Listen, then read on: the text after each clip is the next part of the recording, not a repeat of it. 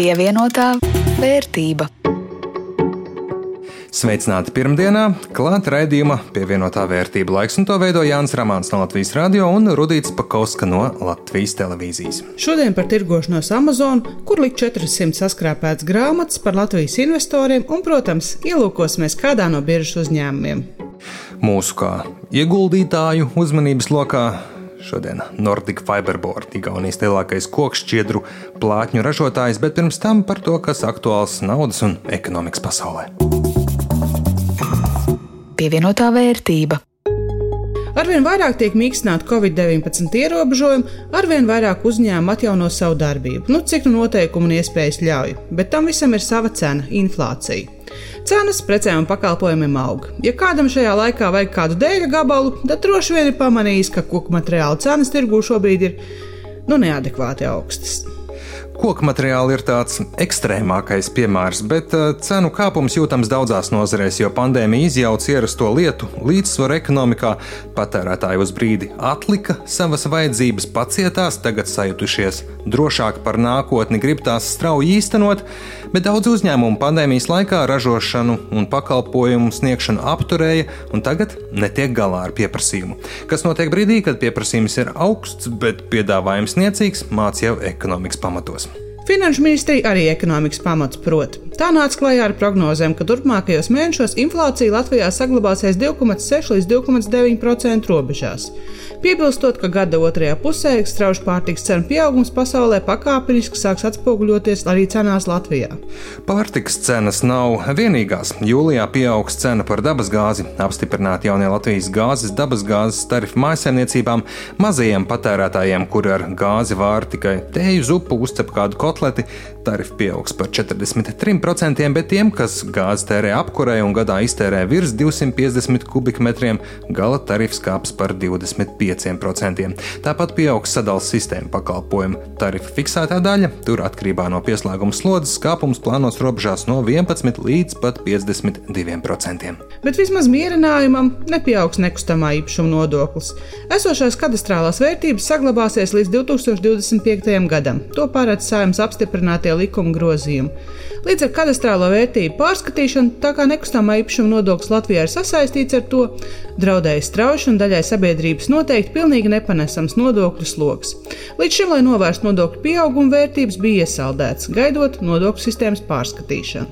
Bet tā kā saimas un valdības vairākums tā arī nav vienojies par to, saima lēma situāciju iesaldēt līdz 2025. gadam un deva uzdevumu valdībai līdz 2024. gada 31. janvārim saimā iesniegt piedāvājumu, kā jaunās kadastrālās vērtības piemērot nodokļu aprēķinā tā, lai nodokļi būtu samērīgi. Grāmatvežiem vēl pusgads laika iepazīties ar nesen kā pieņemto jauno grāmatvedības likumu, kurš gadu mijā aizstās 1993. gadā radīto.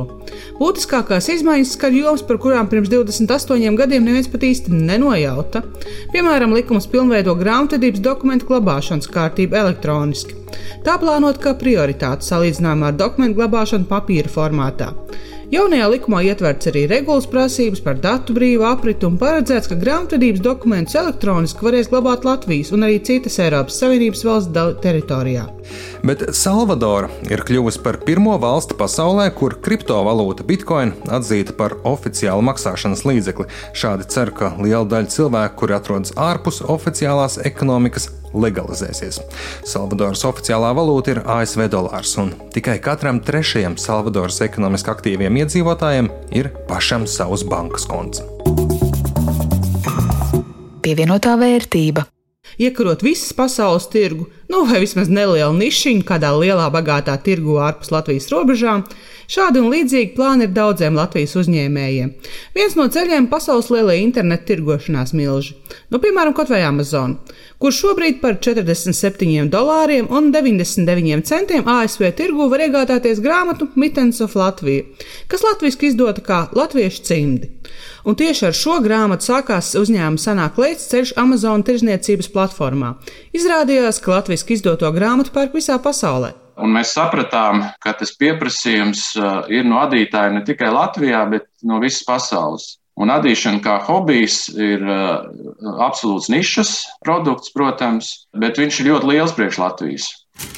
Tā seminārā uzņēmējiem par Amazon pircēju iekarošanu stāsta Ansis Grasmans no Sanās klēts. Un, uh, sekojot šim pieprasījumam, tad mēs arī secinājām, ka mums ir jāizdod dažādās valodās. Sākām ar angļu 2015. gadā, Un, protams, tā loģistika bija galvenais izaicinājums. Nosūtīt smagu grāmatu uz Ameriku maksā divreiz grāmatas cena nu, mūsu veikalā. Un, nu, no sākuma mēs jau to darījām un sūtījām, bet ar to mēs arī meklējām veidu, kā mēs varam izplatīt šo produktu, nu, teiksim, primāri Amerikā, jo tas ir vislielākais tirgus. Tādā efektīvā veidā, kurā mums nav jāpako tās grāmatas, un tā mēs atradām Amazon. Grāmata tiek tirgota izmantojot Amazon infrastruktūru. Cimdu grāmata nonāk ASV noliktavās un tad no turienes pēc pasūtīšanas izsūtīta pircējiem. Bet, protams, ne viss ir vienkārši. Nākas gan diskutēt ar automatizētajiem problēmu risinātājiem, kur reizēm sūta pretrunīgu informāciju. Nākas arī risināt dažādus nodokļu jautājumus. Un arī, ja grāmatas transportējot cietuši, jāstrīdas ar Amazon. Stāsta Santa Prieda no cenās klēts. Un 300 no 400 mums tika sabojātas. Jo grāmata kā tas teica, smaga, viņa ir cietajos vākos. Amerikāņu klienti diezgan klīrīgi. Viņiem, ja kurš, nezinu, stūris nobrāztais vai kaut kāda bukte nedara, viņiem vajag tīru, skaistu grāmatu. Un tad līdz ar to mums sākās tāda viena liela cīņa, kur mums bija jāpierāda tās 300 grāmatu bojājums un uh, jādabūj kompensācija, ko mēs arī veiksmīgi izcīnījām. Arī saraksti ar, ar fotografijām, ar pierādījumiem, un Amazon mums to kompensēja.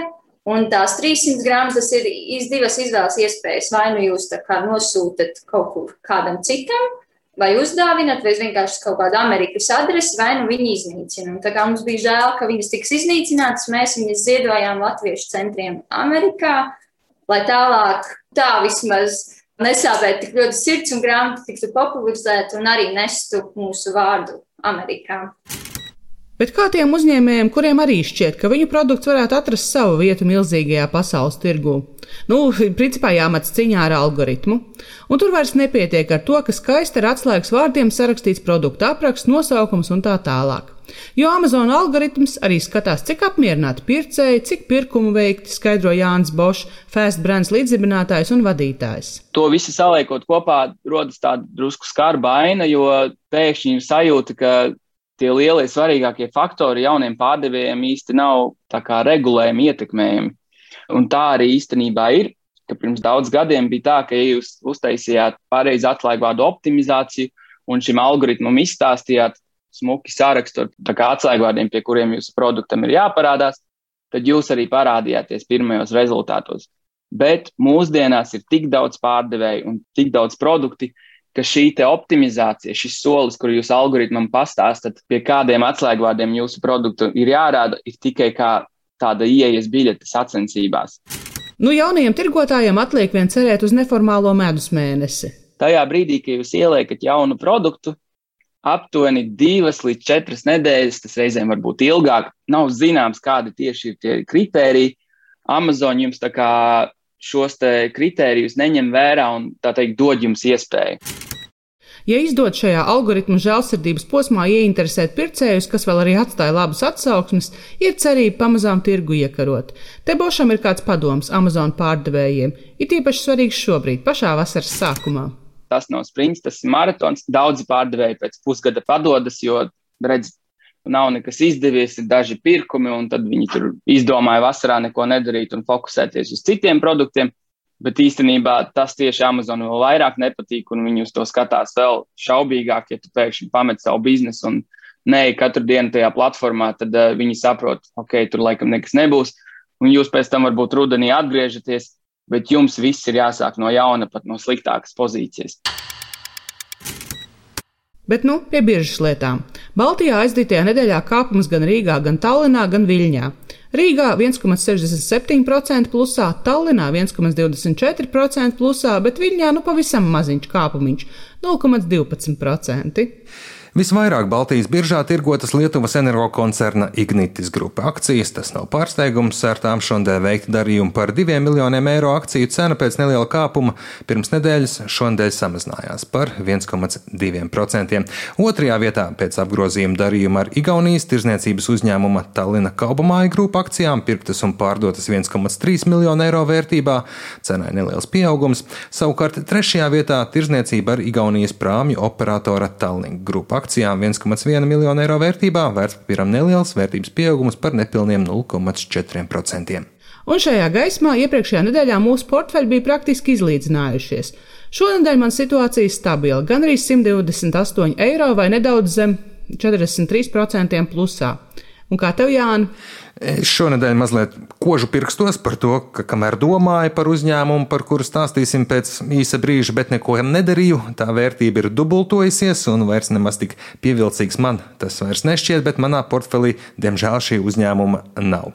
Mierinājumam šonadēļ esmu noslēdzis Izrādās, tomēr līderos 136 eiro plusā, jeb 45,47% pieaugums, bet vēl jau rudīt nedēļa līdz mūsu šīs sezonas eksperimentu finišam. Es sev mierināšu ar domu, ka šis ir maratons, nevis sprints.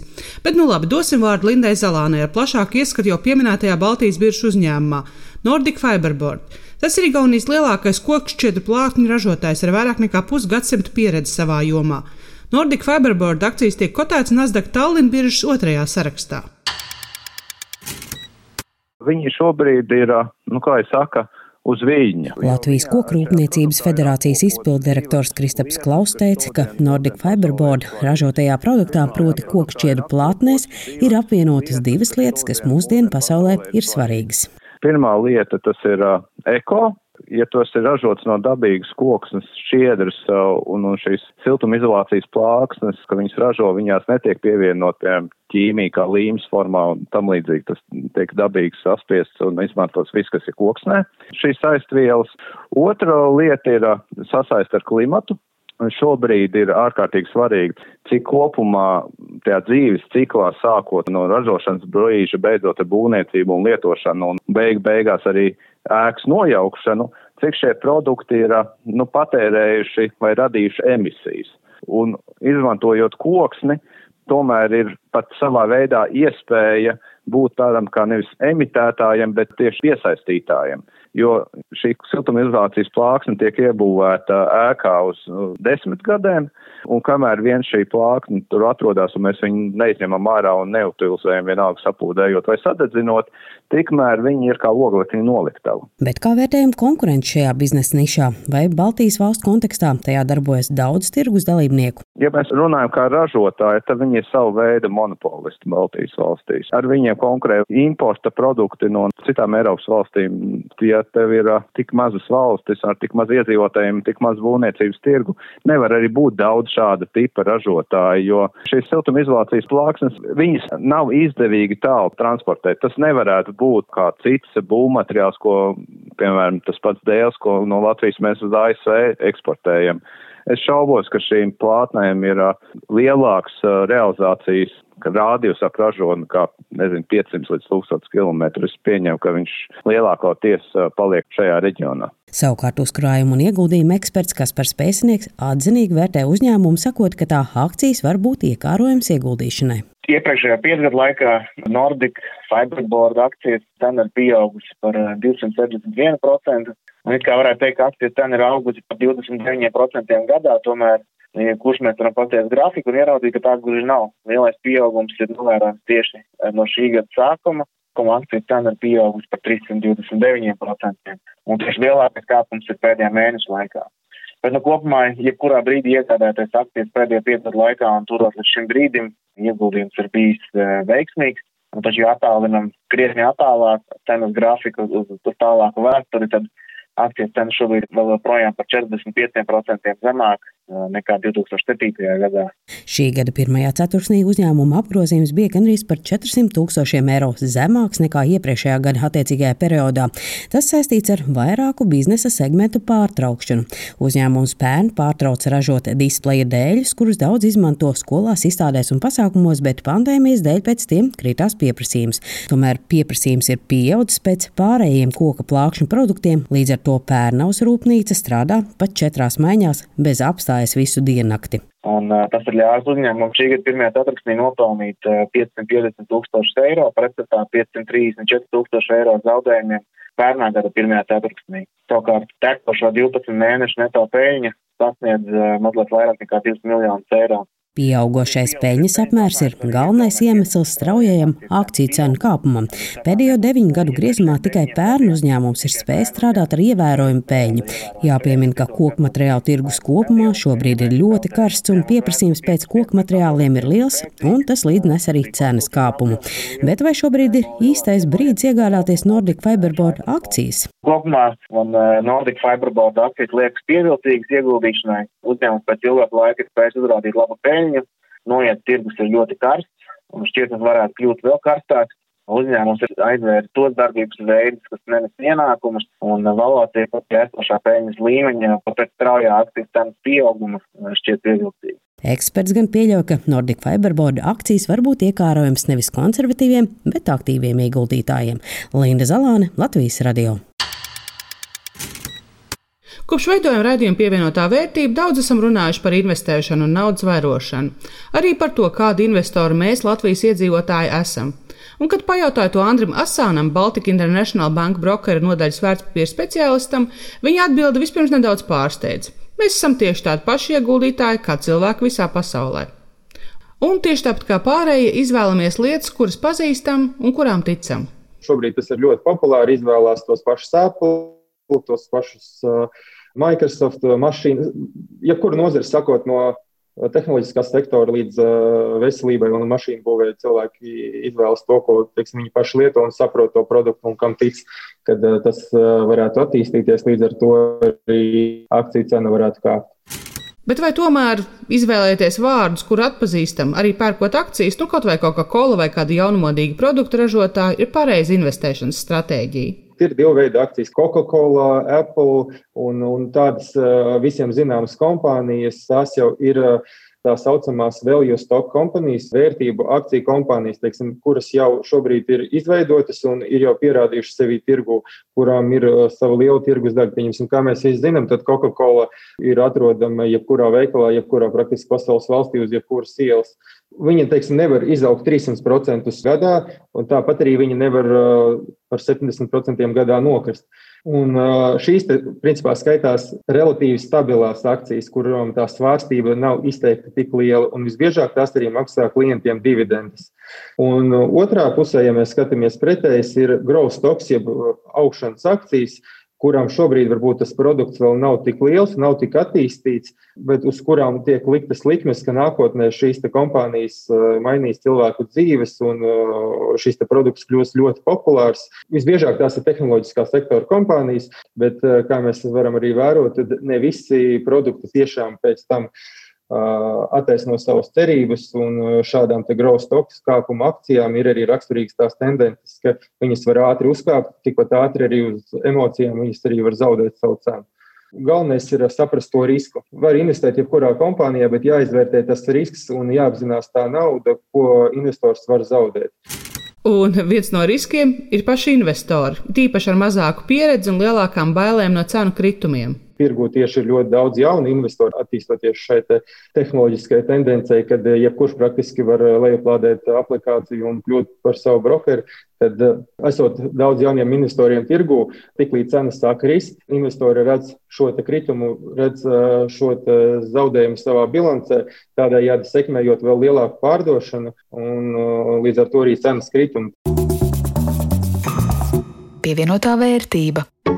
Ar to arī skan šīs pirmdienas raidījums pievienotā vērtība. To veidoja Rudīts Pakausks no Latvijas televīzijas un Jānis Ramāns no Latvijas radio.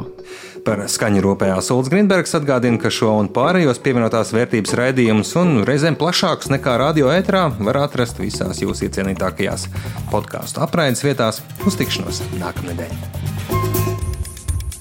Pievienotā vērtība.